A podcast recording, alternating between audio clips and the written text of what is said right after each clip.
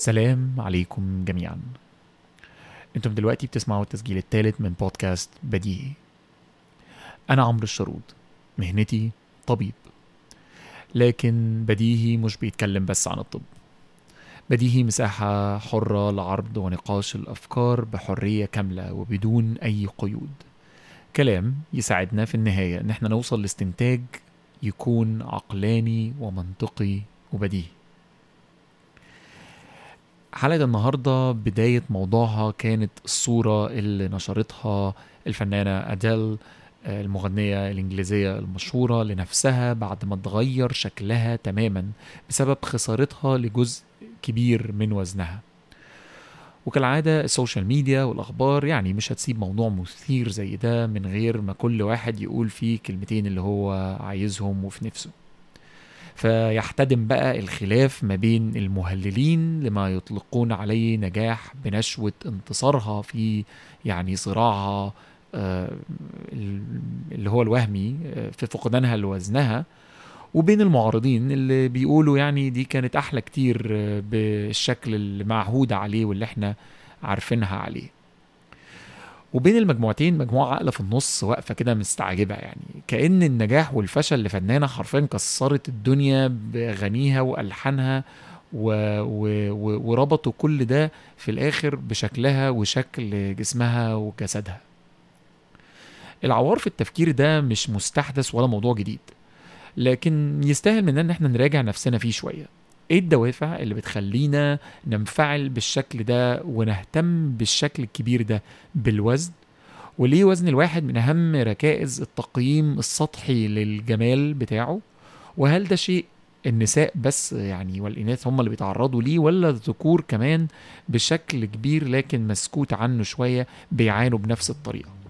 هل الصحة فعلا هي الدافع وراء الهوس والجنون بالوزن ولا هي مجرد حجة. عشان الوزن وشكل أجسامنا موضوع كبير جدا ومرتبط تقريبا بكل جوانب الحياة ولأنه طبعا بيشكل صورة آه، كاملة لحياة كل واحد فينا حيث يعني إن الجسد هو أول أداة تعارف بيننا وبين بعض. قبل بقى الصوت والعقل والمشاكل والأفكار اللي إحنا بنتعرف بيها على آه، الشخص اللي قدامنا بنشوف شكله في الأول وتقريبا أول حاجة بنلاحظها شكل جسمه ووزنه. في التسجيل بتاع النهارده هركز على كام موضوع محدد في رأيي أقلهم طرحا للنقاش على الرغم من إنهم ما يقلوش أهمية عن أي موضوع تاني. ولأن طبعا حاجات كتير جدا ليها علاقة بالوزن بالوزن يعني الناس اتكلمت عنها بشكل يعني مستطرد ويعني و extensive جدا في كل يعني وسائل الميديا سواء في الكتابة أو في الكتب في البرامج في التلفزيون في الراديو في كل حاجة. آه، المواضيع اللي هتكلم عليها في التسجيل بتاع النهارده هم ثلاثة أساسيين. آه، أول واحد فيهم هو علاقة الوزن وشكل الجسد بالحياة العاطفية وإزاي الوزن ده شيء بيأثر على الشراكة والارتباط والجواز. تاني موضوع هتكلم عن علاقة الأشخاص آه، اللي أصحاب الوزن آه، الزائد أو الأنواع المختلفة من الجسم وعلاقتهم بالرعاية الصحية بشكل عام وبالأطباء بشكل خاص. تالت موضوع حابب أتكلم فيه عن جسد الرجل المسكوت عنه و, و ونظرة الراجل ونظرة الذكور لأجسامهم وإزاي ده له تأثير ضخم وكبير جدا على حياتهم قبل ما ما نمسك واحد من كل المواضيع الثلاثه دول نتكلم فيه في البداية خليني أحكي حاجة بسيطة كده قد يعني أكون كتير منكم سمع عنها قبل كده آه، شافها في فيديوهات آه، أو يعني قرا عنها بشكل عام على ال social media أو آه، شافها على اليوتيوب. وهي الاختلاف الكبير في الشكل وشكل الجسم المثالي آه، بالتحديد طبعا للمرأة عبر العصور والزمن والثقافات المختلفة. ونعتبر ده مدخل للمواضيع اللي إحنا هنطرحها بعد كده.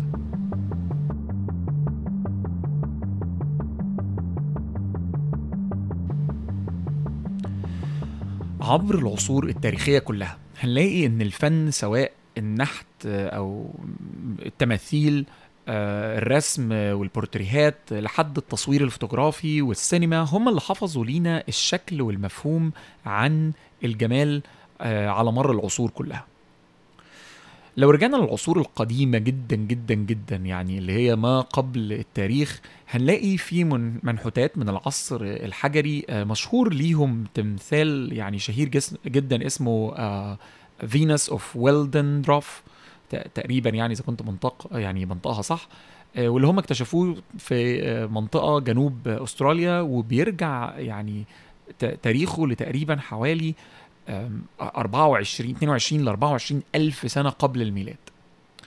آه، لو دورتوا على التمثال ده Venus of Willendorf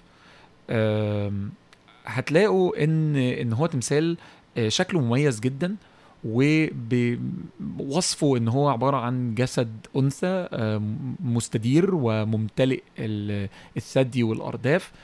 تمثال ملوش ملامح في الوش لكنه في الوقت ده يظن انه هو بيعبر عن الخصوبة وإن الجسد ده قادر على الإنجاب آه، ال- الكثير بما إن يعني كان ده في عصور آه، قديمة جدا وكان ده أهم حاجة وواضح إن يعني إن الإنجاب ده كان أهم من الشفايف والعيون ويعني وغير ذلك يعني.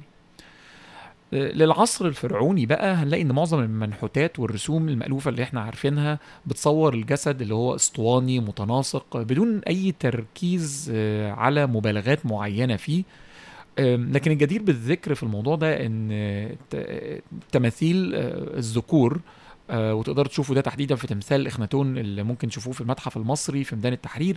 هتلاقي دايما هتلاحظ إن إن خصوصا المنطقة بتاعة الوسط والأرداف والأرداف عريضة وليها انحناء أنثوي.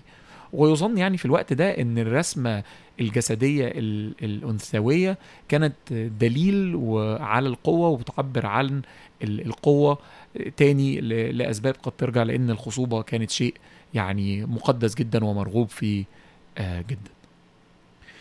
بعد كده نروح للعصر اليوناني هنلاقي إن دول بقى اللي هم بدأوا فعليا في تعريف الجمال وتوصيفه. بدأ الفلاسفة زي Plato في الأول في طرح معايير آه، للجمال زي ال golden ratio وده يعني شيء معظم الفنانين آه، عارفين عنه. لو يعني كتبتوا ال golden ratio على اليوتيوب وبدأتوا تتفرجوا يعني إيه ال golden ratio دي هتلاقي إن يعني تقريبا أثرت على آه، كل الفن وكل آه، يعني ال- الهندسة بعد كده. جه بعده بقى فيثاغورس اللي هو فيثاغورس اللي إحنا عارفينه بتاع حساب المثلثات ده. آه، هو طبعا كانوا بيعملوا كل حاجة وبيتكلموا في كل حاجة في الوقت ده. هو المهم فيثاغورس طلع لنا بمعيار آه، جمال بقى أدق شوية وبيقول إن يعني إن يقال يعني إن كلامه ده اللي هو مازال لسه له تأثير آه، على حاجات آه، أنتوا يعني سمعتوا عنها وبتسمعوا عنها لحد دلوقتي لكن هو كان أصلها. وهو بيقول إن الوجه الجميل للمرأة بيكون عرضه تلتين طوله يعني عرض الوش تلتين إيه الطول. ويكون سيمتريكال يكون النصين متطابقين. خصوصا موضوع النصين المتطابقين ده يعني إيه مشهور قوي في, في القصة بتاعت الجمال ده. وأظن كانت يعني في مواقع على الإنترنت كده بتحاول تعمل صور كده للممثلين أو ناس مشاهير يعني إيه تقوم هي عاملة النص والنص التاني وتشوف منهم مين فعلا اللي شكله بيفضل طبيعي وإن النصين متطابقين. آه، يعني على الرغم إن هو ساعات أحيانا بيبقى يطلع الشكل غريب جدا وإن عدم التطابق وال- واللاسيمتريه دي هي اللي بتدي الجمال لكن يعني هو كان بيقول كده. نروح بقى للعصر بتاع ال ال الأوروبي بقى اللي هو الرينيسانس وبعد هيمنة الكنيسة والدين. بدأ الفنانين بقى يعني إيه يفكوا شوية عن نفسهم ويبدأوا يرسموا آه، الجمال شوية. فبدأ يظهر لينا لوحات بتصور الأنثى بوجه مستدير وشاحب جدا وخدود حمراء شوية خدود حمراء. حاجة كده يعني شبه اللي المصريين بيقولوا عليه تهكما يعني جمال الفلاحين اللي هو إيه مدور كده وخدود حمراء وبيضة.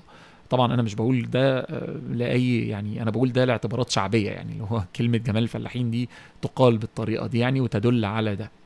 المهم إن في الوقت ده انتقل التعبير عن الجمال للمراه من الخصوبة لأن هي بقى آه، حاجة آه، فيها رغبة جنسية وفيها لاست يعني فيها بقى في رغبة في الجسد ده نفسه مش مجرد آه، يعني وعاء للخصوبه بعد كده في عصر الملكة إليزابيث ده بقى عصر ال make up وده حوالي تقريبا منتصف القرن ال 16 آه، ردموا بقى وشهم بالبودرة البيضاء حرفيا يعني. وبقى كل ما تحط آه، بودرة أكتر وكل ما تبقى أفتح أكتر كل ما تبقى high كل ما تبقى high class أكتر. وده يعني يفكركم بإعلانات Fair and Lovely بقى وال- وال- والكلام ده كله والتفتيح والكلام ده. يعني اللون ده قصة تانية وبمناسبة الأحداث اللي بتحصل في العالم كله آه، ممكن يبقى ده يعني موضوع نتكلم فيه بعد كده قصة ال colorism وعلاقتها بال بال- بالتفضيل والتفضيلات والكلام ده في كل ال- العصور وفي كل الدول وفي كل الثقافات يعني. بعد كده نروح للعصر ما بعد العصر ما بعد الثورة الفرنسية. تقريبا بقى حوالي القرن ال 18 اتقلبت بقى المقاييس اتقلبت المقاييس تماما وبقى استخدام ال make up ده طفيف جدا. كله بقى رجع للترند بتاع إيه؟ natural عارف؟ no make up no filter وبقت الملابس يعني أقل بذخا والموضوع بقى هدي كده. آه، رغم إن قبل الثورة كان ال make up ده بيستخدموا الرجالة والستات زي بعض يعني الرجالة والستات كانوا بيستخدموا make up هما الاثنين بيستخدموا بودرة وبيستخدموا أحمر شفايف وبيستخدموا كل حاجة. آه، لكن آه، لما بدأ لما بدأ يرجع بقى ال make up ده تاني مع بدايات القرن ال 19 الستات بس هي اللي رجعت تستخدمه. وفضل الموضوع مش مقبول تماما آه، للرجالة. وده برضو اللي متابع الأحداث والكلام اللي بيحصل على ال social media هيلاقي إن في يعني في حاجات كده بدأت تظهر وفي ناس بدأت تتكلم عن مواضيع ليها علاقة بإن الرجالة بتحط make up وما بتحطش make up والناس بقى تبدأ تتخانق يعني وكأن التاريخ بيعيد نفسه بالظبط والله. نيجي بقى للعصر الحديث ومع مطلع القرن العشرين حصل اهتمام آه، يعني أو كان ده بداية بقى الاهتمام بالنحافة أو حجم الجسم بقى كمعيار أصلا للجمال. آه، في العشرينات وتحديدا بعد الحرب العالمية الأولى خرجت المرأة بقى للعمل. دي كان بداية خروجها للعمل زيها زي الراجل بقى وتركب مواصلات وتروح وتيجي.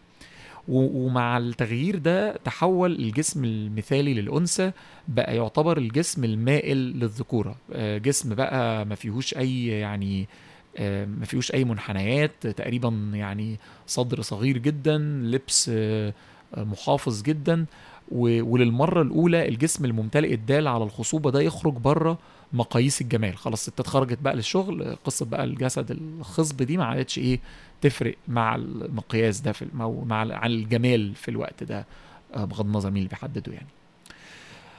في نفس الوقت ده برضو كانت لأول مرة ينتشر الميزان وتبدأ بقى الناس الميزان اللي هو في الحمام ده بقى تبدأ الناس لأول مرة تستخدم الميزان لأنه كان قبل كده شيء حصري جدا على الأغنياء آه، لأنه كان آه، مش متاح للناس فالناس ما كانتش يعني متابعة وزنها قوي ولا حاجة.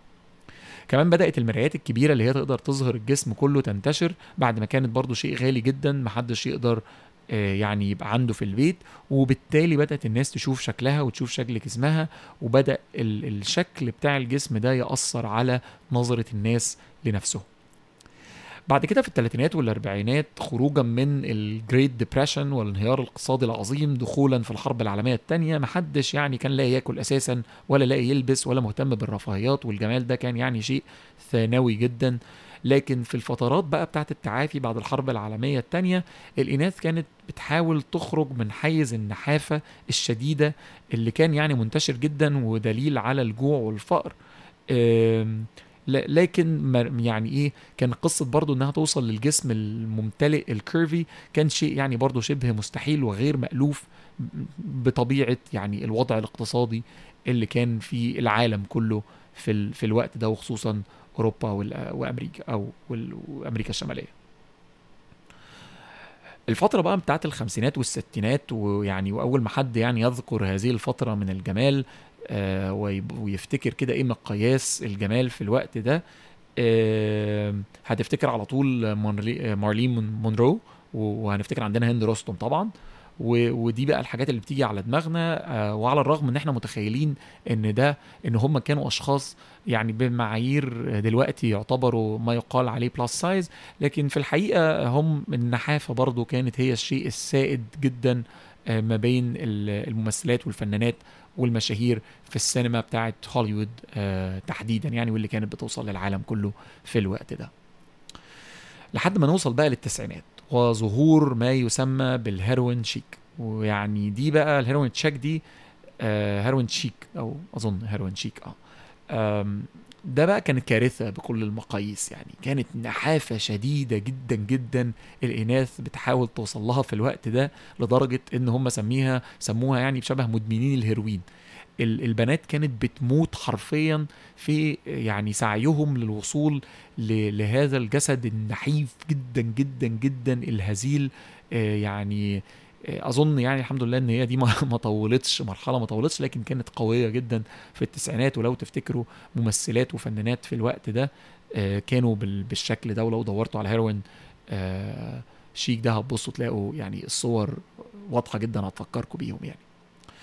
لحد ما نيجي بقى للألفينات وبدأت الأصوات بقى تعلى وتنتشر لتغيير الصورة النمطية الأحادية للجمال وطبعا مع الإنترنت المقاييس كلها اتغيرت وبقت المساحة أكبر للاختلاف والتنوع والأصوات اللي بتنادي بالصحة أهم من الوزن والشكل.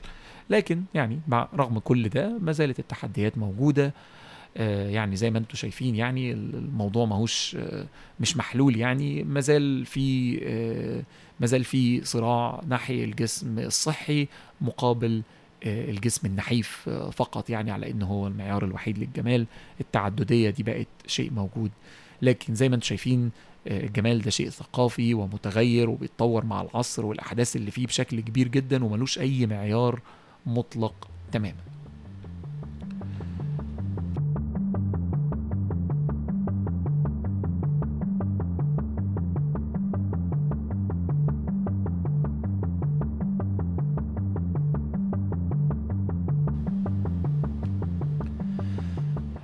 أول موضوع بقى زي ما يعني إيه ما قلنا من شوية هو الوزن والحياة العاطفية. ده ممكن نقول أهم نقطة فيه إن بلا جدال بلا جدال كل الدراسات أجمعت على إن العلاقات المستقرة سواء جواز أو ارتباط ناس اتنين عايشين مع بعض أو أي شريكين بيحصل معاه زيادة في الوزن نسبيا من الطرفين. خصوصا في العلاقات اللي بتستمر في متوسط من سنة ونص لسنتين. بيرجعوا السبب الأساسي للموضوع ده هو إن المرتبطين دول بيكونوا حرفيا خارج سوق العلاقات سناجل يعني. ما عليهمش الضغط المجتمعي اللي بي بي محتاجين إن هم دايما آه، يبذلوا مجهود عشان آه، يعني سبيل إرضاء متطلبات آه، سوق العلاقات ده. إن هم يعملوا جذب لشريك. وده بيخليني أسأل نفسي آه، يعني إيه كم الضغط النفسي الهائل يعني اللي البشر بيمارسوه على نفسهم وعلى غيرهم بس عشان يعجبوا آه، وعشان يقدروا إن هم آه، يدخلوا في علاقات. بدليل ان أول ما الضغط ده بيتشال بيتغير أول ما بيكون في علاقة مستقرة على طول بيقابلوا اختلاف في في في الوزن وفي العادات. الضغط ده نفسه بيتغير بين كل مجتمع والتاني حسب معايير المكان والثقافة اللي انت فيها يعني بشكل عام. يعني بالتأكيد البنت اللي في الريف المصري عندها معايير آه، للجمال عايزة توصل لها مختلفة تماما عن آه، البنت اللي في المدينة المصرية اللي هو هي ممكن تقول عليها دي نحيفة جدا مثلا مقابل آه، في الريف. لا ما ينفعش تكون يعني رفيعة قوي كده أو نحيفة بالشكل ده. المكانة الاجتماعية كمان ليها دور في المتغيرات دي. يعني وإن دل الكلام ده كله على شيء فهو هيكون إن مش من الطبيعي آه، الحالة بتاعة اهتمامنا الشديد بالوزن آه، اللي المجتمعات كلها بتهتم بيه وإنها بتستهلك وقت ومجهود كبير جدا مننا أحيانا بدون دراية. برضه مهم إن إن إن نقول إن على حاجة بتأكد نفس الفكرة إن الأشخاص بيفقدوا نسبيا وزن نفس الوزن اللي هم زادوه ده يعني آه، أول ما بيخرجوا من العلاقة يعني. وده برضه لأن هم بيرجعوا لسوق العرض والطلب بتاع العلاقات وإن هم بيرجعوا تاني في في حالة البحث آه، عن شريك. النتائج بتاعت الأبحاث برضو بتورينا فروقات واضحة جدا في نجاح تكوين العلاقات بين الأشخاص أصحاب الوزن الزائد خصوصا النساء. وده يعني ممكن نقول الوزن الزائد أو مش الوزن الزائد هم يعني كان معظم الدراسات كانوا بيقيسوا بال- بالحاجة اللي هي مشهورة جدا اسمها بي ام اي ودي طريقة كده يعني آه، بيستخدمها ال- عموما ال- ال- الأطباء وبيستخدمها الكثير في التعبير عن الوزن وهي آه، بطريقة حسابية بسيطة جدا آه، ال- الوزن على الطول بيطلع رقم معين ويقال إن الطبيعي ما بين يعني أو إن الطبيعي طبيا يقاس ما بين تقريبا ال ال 21 لل 24 وما فوق ذلك بيكون آه، بنسميه بقى overweight obesity morbid obesity حاجات اللي هي ليها علاقة بالوزن على الرغم من يعني في خلافات طبية وأكاديمية على التعريفات دي وهل هي دقيقة ولا لأ لكن هي كمقياس عام آه، هو ده اللي بيبصوا عليه لما بيجوا يشوفوا الأبحاث دي. المهم إن الستات اللي هم الأكثر وزنا عن المتوسط آه، تحديدا بيفشلوا في تكوين علاقات ارتباط دائمة ومستمرة. بيفشلوا وبيتأخروا في الوصول للعلاقات المستمرة أو العلاقات اللي بتنتهي بالجواز تحديدا الستات. إنما في المقابل مثلا بالنسبة للرجالة الموضوع مختلف شوية. بس هو هو في تويست كده مهم جدا وفي رأيي مثير جدا. إن صحيح الرجالة برضو ما بيقدروش يلاقوا يعني أو يكونوا علاقات مستمرة. آه، خصوصا لما يكونوا في ال ال ال الكاتيجوري اللي هو الأكثر وزنا. لكن لما تيجي تبص على الأرقام دي تلاقي إنها ما بتفرقش في احتماليات الجواز حاجة. يعني خالص. ما بتفرقش في احتماليات الجواز للرجالة حاجة مش للستات. وده وتلاقي بقى عوامل تانية زي الدخل والمستوى الاجتماعي هم اللي بيلعبوا الدور المهم ده. غياب تأثير الوزن على نجاح الذكور في الجواز يدل على الزو- الزواج عموما بالنسبة للإناث آه، شيء خاص جدا ومرتبط يعني بأشياء آه، مختلفة عن الراجل. آه، ال- الإناث أكثر تقبلا للذكور الأقل جاذبية في الشكل والجسد في مقابل إن هو بيعوض ده بمكتسبات تانية من الجواز نفسه زي الاستقرار المادي الإنجاب الرعاية. ولأن ال- الموضوع ده بيختفي ومش بيأثر مش بيأثر على الإناث بنفس الطريقة فواضح إن الذكور ما عندهمش نفس التقدير للقيم دي آه، في الجواز وده بي- بيفسر ليه الفرص بتاعة ال- ال- الإناث آه، اللي هم أكثر وزنا بتقل آه، لما بتيجي لما بتيجي عند موضوع الجواز. النظرة النسوية للموضوع ده وعلى الرغم إن في كلام كتير لسه فيها ومختلف لكنها بتتفق بشكل كبير وتؤكد على الأهمية آه، ال ال ال ال إن اللي بيفرضها المجتمع على جمال المرأة في في في, في الغالب بيقهر المرأة نفسها. وإن ده بيؤدي دايما لشعور بعدم الرضا عن الجسد والشكل اللي هو بالتالي بيدمر الثقة بالنفس وفي النهاية بيمهد لمعاملة الأنثى على إنها أصلا أداة جنسية وزي ما قلت لكم واضح إن ده بيأثر جدا على آه، زواج الإناث لو هي مش في الفورمة المعينة اللي المجتمع عايز يتقبلها فيها بالوزن المعين ده. وطبعا ده بيقلل في الآخر من نجاحاتها ومواهبها وإمكانياتها المختلفة التانية. وفي النهاية بيخلق لينا بقى اللي هي المشكلة الكبيرة اللي هي يعني تقريبا هتتغلغل في كل المواضيع كلها هي الفروق الجندرية بين الجنسين بين الذكور والإناث. زي ما في موضوع يعني يعتبر straightforward زي ده وواضح جدا زي ده ظهرت الفروق دي ما بين آه، قيم كل واحد فيهم عن التاني. إنما التبرير الخايب بتاع الصحة ده يعني بصراحة آه، مش حقيقي وفي رأيي يعني ضلالي لأن على عكس ال ال ال يعني الجمال والوزن والجسد لما الناس بتتكلم عن الصحة ما بيبقاش فيه ال- المقارنات والمنافسة. يعني م- لما بنيجي نتكلم عن الصحة ما حدش بيقول أنت أصح من من حد تاني. لكن بنبص نلاقي إن الناس بتقول أنا أرفع منك أو دي تخينة أنا رفيعة أنا خسيت هو رفع أنا تخنت آه، آه، ده أنا محتاج اخس. ما حدش بيقول مثلا يعني إيه إيه ده ده أنا ما بقتش صحي زي الأول. تلاقي المنافسة ما عادتش موجودة. فهي فهي قصة مش قصة صحة زي ما ما البعض بيدعي يعني تحديدا في قصة العلاقات دي آه، إن أنا مش عايز آه، حد زائد في الوزن عشان آه، عشان صحته. وفي نقاشي يعني مع بعض الأصدقاء آه، من رجالة ومن الستات يعني. لقيت إن لما بتكلم مع مع أصدقائي الذكور يعني فلو هو مثلا مرتبط بشخص وهيتجوز فاحيانا يعني يقال إن يعني بيحطوا شروط لإن هي توصل للوزن المعين. وأظن يعني ده يجيب في بالكم القصة اللي هي اتشهرت جدا برضو على السوشيال ميديا بتاعت ال stretch marks دي الراجل اللي ما كانش عايز أو اللي قال لواحدة يعني تتصرفي بقى وتشيل ال stretch mark دي مش هنتجوز والناس كلها يعني ثارت يعني. حاجة عجيبة جدا يعني. تنميط شديد لإن وظيفة المرأة إن هي تكون في الشكل المثالي للجسد ده. في المقابل لما اتكلمت مع اصدقائي الإناث آه، في اهتمام آه، خلال فترة الارتباط بشكل وجسم الراجل. لكن لما سألتهم السؤال المهم هل لو هو فضل بوزنه ده وشكل جسمه ده؟ هل ده هيكون ديل آه، بريكر يعني هل هيكون ده شيء ينهي علاقتك بيه أو ينهي احتمالية الجواز بيه؟ فكانت الإجابة دايما آه لا مش هتفرق. يعني أتمنى إن يكون صحته أحسن و... بس في الآخر بتلاقي إن يعني ماهاش deal breaker لكن عند الرجالة هي deal breaker وده زي ما قلنا واضح إن هو بيرجع يعني للقيمة المجتمعية أو القيمة اللي في عقل المجتمع ما بين آه، الذكور والإناث للجواز في حد ذاته.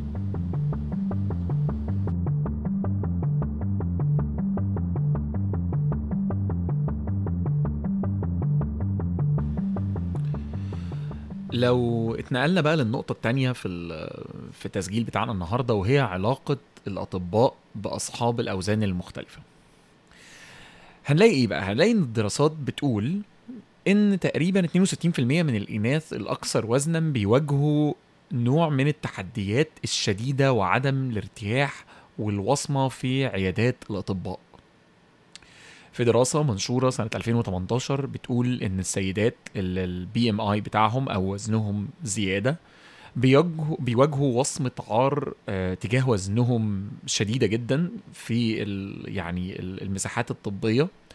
وبيكتموا ده حرفيا جوه نفسهم بنسبة كبيرة جدا بتؤدي في الآخر لأنهم يتجنبوا زيارة الطبيب على بعضها بقى كده ما يروحوش أصلا للدكاترة خالص. وبيتجنبوا الحصول على آه، رعاية طبية اللي هم محتاجينها. آه، وبنسبة كبيرة ده كله بيرجع لأن أسوأ التجارب اللي هم بيمروا بيها آه، ليها علاقة بالتمييز ضد ضدهم بسبب وزنهم بيتعرضوا ليها آه، في العيادات بسبب الأطباء وفي المستشفيات.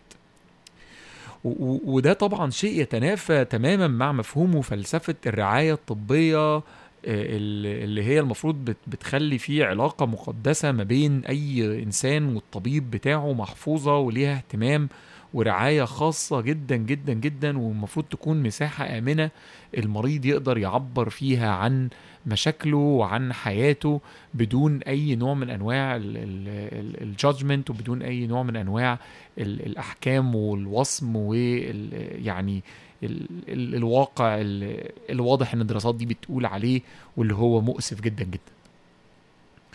آه، الإناث كمان اللي وزنهم أعلى دايما بيتجنبوا الفحوصات الدورية ويعني حتى بيتجنبوا إن هم يروحوا المستشفيات في حالات الطوارئ وده يعني برضه نقدر نفسره بدايرة الوصم والألم الداخلي اللي هم بيتعرضوا ليه. فكل ما يروحوا لرعاية طبية يبدأوا يتعرضوا للوصمة دي اللي هي يعني بتبقى أكنك بن بن بنلوم كل أمراضهم على وزنهم. يعني أنت أي حاجة بيشتكي منها أصل وزنك زايد بيشتكي منه وزنك زايد. طبعا ده طبيا مش مظبوط وممكن الأطباء والعاملين بالرعاية الصحية بيعملوه آه، على أساس إن هم يعني عايزين الأشخاص دي آه، يعني تبقى في صحة أحسن وعندهم وبسبب دراستنا الوزن مرتبط ببعض المشاكل الصحية. لكن ده مش معناه إن كل الشكاوي الصحية والنفسية إلا أي مريض زائد في الوزن شوية بنبدأ نلومها عليه ونقول له لا خس خس خس أو يعني قلل وزنك قلل وزنك قلل وزنك كأن يعني كل شيء هيتحل لو هو عمل كده وكأن كل شيء أصلا يعني إيه معتمد على الموضوع ده. فبالتالي ده بيسبب ليهم ألم داخلي وبالتالي في النهاية بيتجنبوا آه بيتجنبوا إن هم يروحوا للرعاية الصحية وهكذا. آه، كتير من من أطباء الرعاية الأساسية بيشوفوا إن زيادة الوزن هي في ال في, ال في الأساس مشكلة سلوكية. وبيتشاركوا بقى مع غالبية المجتمع في النظرة السلبية اللي بتتصور يعني إن السبب في زيادة الوزن هي عادات شخصية سيئة. صحيح إن الأطباء في الغالب بيكونوا واقعيين في توقعاتهم للعلاج آه، لكن لسبب ما آه، بيشوفوا إن علاج السمنة ده مثلا غير مجدي وأقل كفاءة من علاجات أمراض مزمنة تانية كتير وبالتالي آه، ما بيسعوش ليه بشكل حقيقي وشكل قد يعني يساعد مرضاهم بشكل بشكل حقيقي بدل ال ال الوصم وال واللوم يعني. في دراسة سنة 2003 لقت إن 50% من الأطباء بيشوفوا المرضى أصحاب الوزن الزائد على إنهم غير ملتزمين وغير جذابين. وفي 2009 دراسة تانية لقت إن معظم الممرضات والممرضين بيشوفوا الشخص الزيادة في الوزن ده على إن هم أشخاص بتحب الأكل وبيتحركوا ببطء وغير جذابين. مش ده النظرة اللي المفروض تكون عند مقدمين الرعاية الصحية لكن هو ده الواقع. برضه في 2004 دراسة تانية معمولة على طلبة طب يعني النتائج بتاعتها بتقول إن تقريبا آه، يعني 74% في تحيز ضد الوزن تحيز ضد الوزن. دي دي دي, دي مشكلة تانية بقى آه، خلت يعني مجلة علمية أمريكية للصحة العامة بتستنتج إن التحيز ضد الوزن الزائد فيه خطورة في حد ذاته على المرضى دول نفسهم نفسيا وصحيا وبيخلق عدم تساوي في فرص العلاج زي ما قلنا أكن هو بص كل حاجة هنلومها على الوزن وبالتالي ما بتخليهمش يهتموا بشكوى المريض ده بشكل بشكل عميق زي ما هم بيهتموا بيها مع أشخاص تانية آه، أصحاب أوزان مختلفة تانية. فده بيسيب أمراض كتير وبيسيب مشاكل كتير ممكن تعدي على الأطباء دول لأن هم ما بيهتموش فيها لأن عندهم اللي هو التحيز ضد الوزن ده. ال الواقع ده كله أدى لأن لأن ناس كتير بتسعى بشدة جدا لأنها تفقد وزنها. الجمعية الأمريكية لجراحات السمنة عملت تقدير تقريبا إن عمليات آه، التخسيس في العموم سواء بقى كل اللي أنت بتسمعه عنها التكميم بقى والمعدة واللايبوسكشن والبالونة مليون حاجة دول تقريبا وصلوا لأن هم يعني آآ آآ تقريبا 200 120 ألف في سنة 2017 بس في أمريكا. حوالي 600 ألف عملية من دول عالميا كل سنة. 600 ألف كل سنة بيخضعوا للعمليات دي آه، بغض النظر بقى عن يعني إن إن كثير منها لسه عليه علامات استفهام وإن كتير بيعاني من من مضاعفات للعمليات دي آه، ولأن كتير بيتغاضى حتى عن إن العمليات دي ليها اللي بنقول عليه يعني انديكيشن أو ليها ضروريات معينة اللي المفروض تتعمل فيها لكن أصبحت هي ملاذ لكثير جدا من أصحاب الوزن الزائد اللي يعني بيكونوا زهقوا من اللوم والعتاب والوصمة اللي هم بيتعرضوا ليها في حياتهم. ف... ف... فموضوع السمنه السمنة والرعاية الصحية ده خصوصا علاقتهم بالأطباء شيء المفروض يعني يعني يطرح النقاش فيه أكتر من كده ولأن الرعاية الأساسية هتكون مجال عملي أنا شخصيا فأتمنى يعني في خلال السنين الجاية يحصل حركة ما ما بين الأطباء آه، ونقاش يختلف وأبحاث تختلف ودراسات آه، واللي هي بدأت فعليا تفهم الموضوع ده بشكل يعني منطقي وعقلاني أكتر يوصلنا لاستنتاج حقيقي بديهي من بدون وصمة عار وبدون يعني المشاكل اللي إحنا بنعرض ليها الأشخاص دول.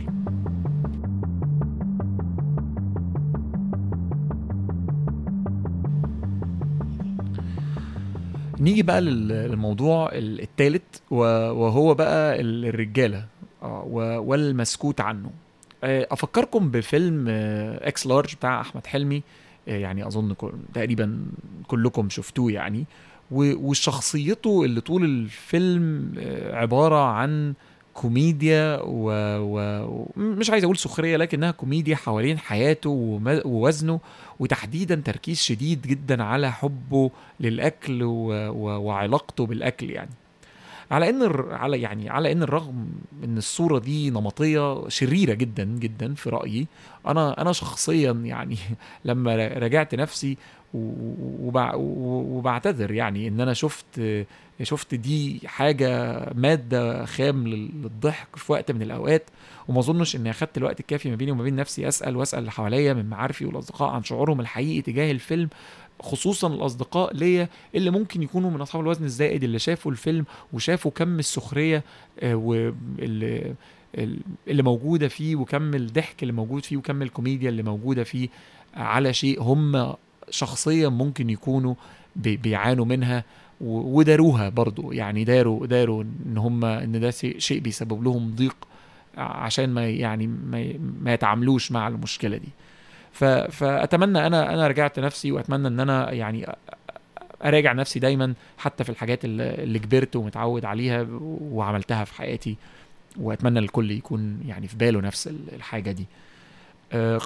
يعني في النهاية كن- ممكن أكون مش ممكن يكون ده مش حقيقي وممكن أكون أنا ببالغ لكن أنا أفضل إن أنا أكون ببالغ وحذر عن إن أنا أتجاهل. في الفيلم نفس القصة الكلاسيكية بتاعت إن هو بينتصر بقى على رغباته في الآخر وفي سبيل انه يحظى بموافقة الأنثى اللي هيتجوزها في الآخر كان هو ده بقى الشيء الأهم في حياته والأكثر قيمة في شخصيته إن هو يخس عشان يعني إيه كل حاجة في حياته بقى تتصلح عشان هو إيه خس.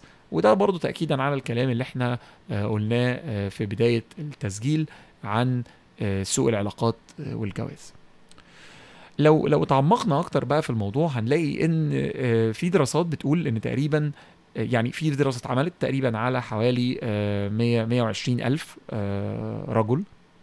منهم تقريبا حوالي آه، 5000 آه، رجل مثلي. تقريبا نصهم بس نصهم بس اللي قال إن هم يعني راضين عن وزنهم. نص تقريبا المي يعني ال 120 ألف راجل بس قالوا إن هم راضيين عن وزنهم. على الرغم من الأبحاث دايما شايفة إن الأنثى أو بتشوف بتك- بتلاقي إن الأنثى أقل رضا عن جسدها عن الراجل. لكن المشكلة الناس بتفسر ده آه يبقى ال- الم- الأنثى غير راضية والراجل راضي. ده مش حقيقي. هي هو بس النسبة أعلى في الإناث. لكن برضو واضح إن الغالبية العظمى أو على الأقل نص الرجال غير راضيين عن آه عن عن جسدهم وعن وزنهم.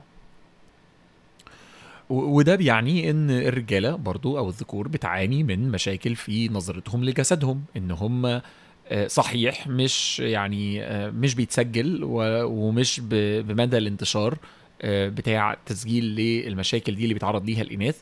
لكن واضح كمان إن في مشكلة في إن الرجالة نفسها تعبر عن المشكلة دي وبالتالي ما بنشوفهاش بشكل واضح.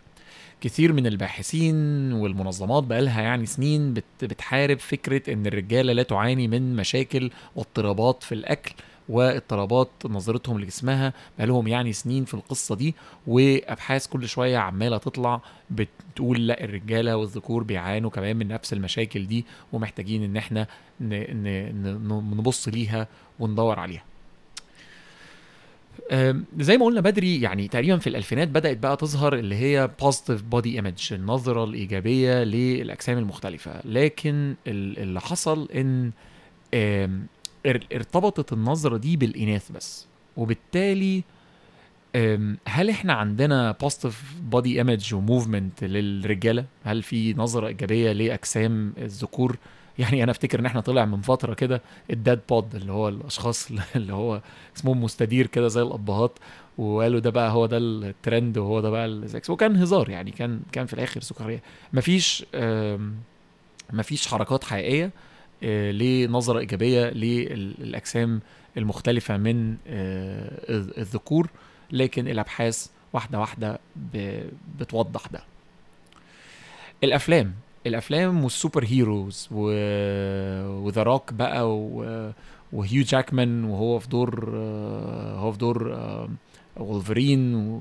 وكل بقى ال super heroes اللي إحنا بنشوفهم دول آه، خلقوا صورة مثالية عن آه، جسد الرجل الضخم اللي عنده عضلات اللي هو يعني عنده بقى ال- الباي قد كده والأبس طالعة قد كده.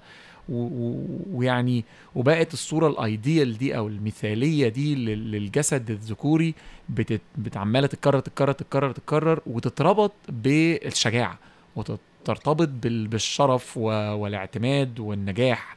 وبدأ بقى يخلق الصورة إن أنت كل ما أنت كبير بقى وضخم كده وعضلات فأنت يعني إيه شجاع بقى ومقدام و, و فطبعا دي دي صورة مختلة جدا يعني صورة مش حقيقية تماما يعني.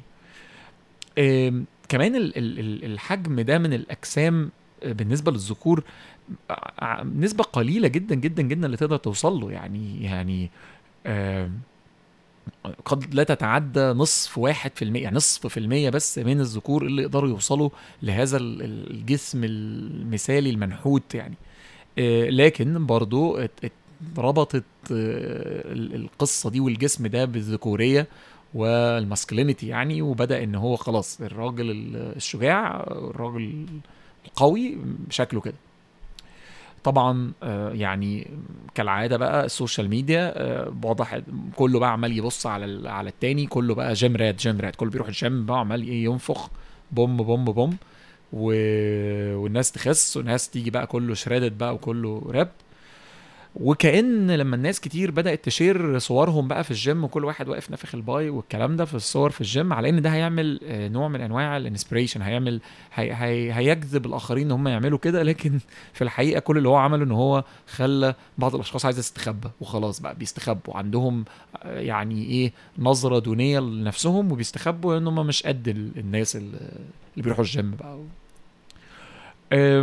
كمان ال ال على فكرة العمليات التجميل للذكور زادت تقريبا بنسبة 325% من سنة ألف يعني من سنة 97 آه، للنهاردة. ويعني ال top surgeries فيهم يعني هم ال liposuction آه وتقريبا وال male breast reduction أو اللي هو تصغير حجم الثدي للذكور.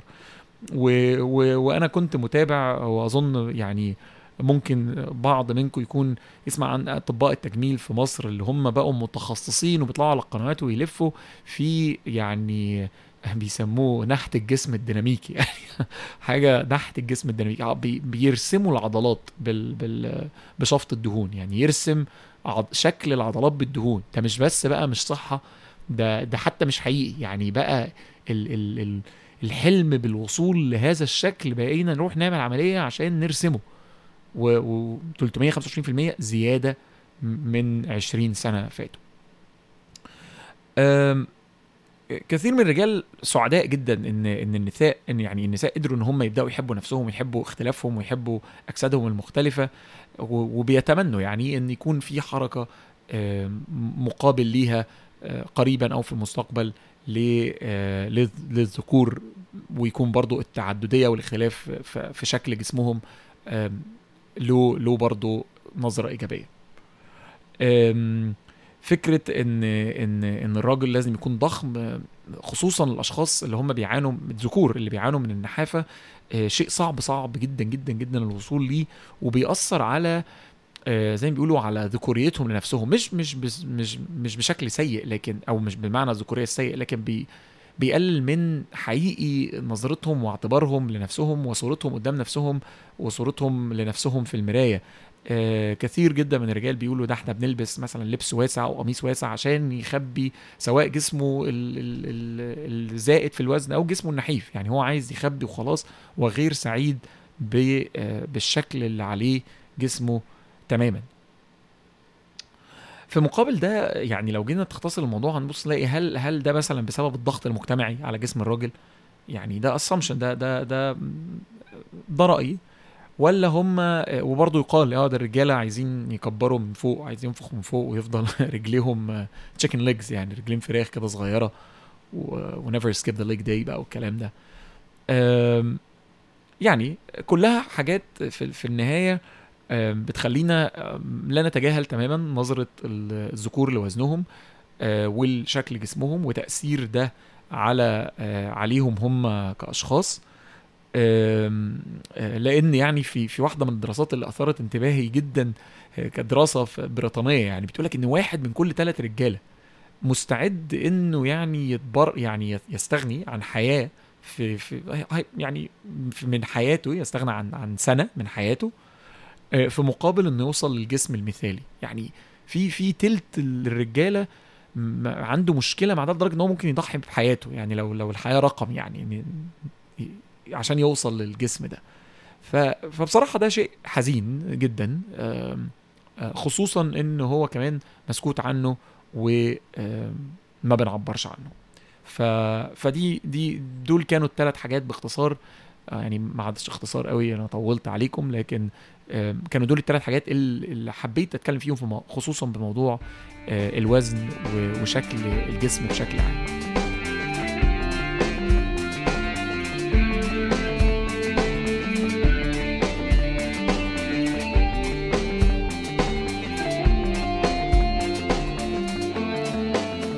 في النهاية ال ال الوزن والسعادة آه، هي مش منافسة ولا صورة للبنطلون وانت شد وخسيت.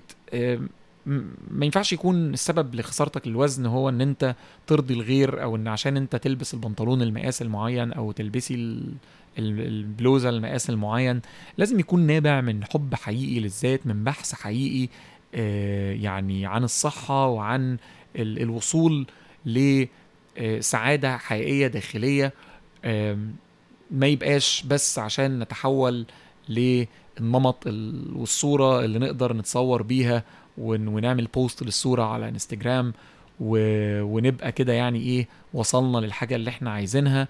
آم، الصحة مش مجرد رقم على الميزان ولا آه، ولا نجاحك آه، كإنسان و- أو شخص بتعتني بذاتك آه، هو مقاس أو شوية أرقام في الام بودي اللي أنت بتروح تعمله آه، لكن اهتمامك بصحتك ده شيء آه، حميد جدا وشيء يعني كل الناس تحث عليه لكن ما تحولش لأنه هو يكون هوس ويكون صراع ويكون تحدي آه، ما بينك وما بين غيرك أو حتى ما بينك وما بين نفسك. فأتمنى إن إن يكون بس الثلاث حاجات دول وضحوا لكم ليه في حاجات كتير ممكن إن إحنا ناخد بالنا منها. وإحنا بنتكلم عموما عن آه، موضوع الوزن.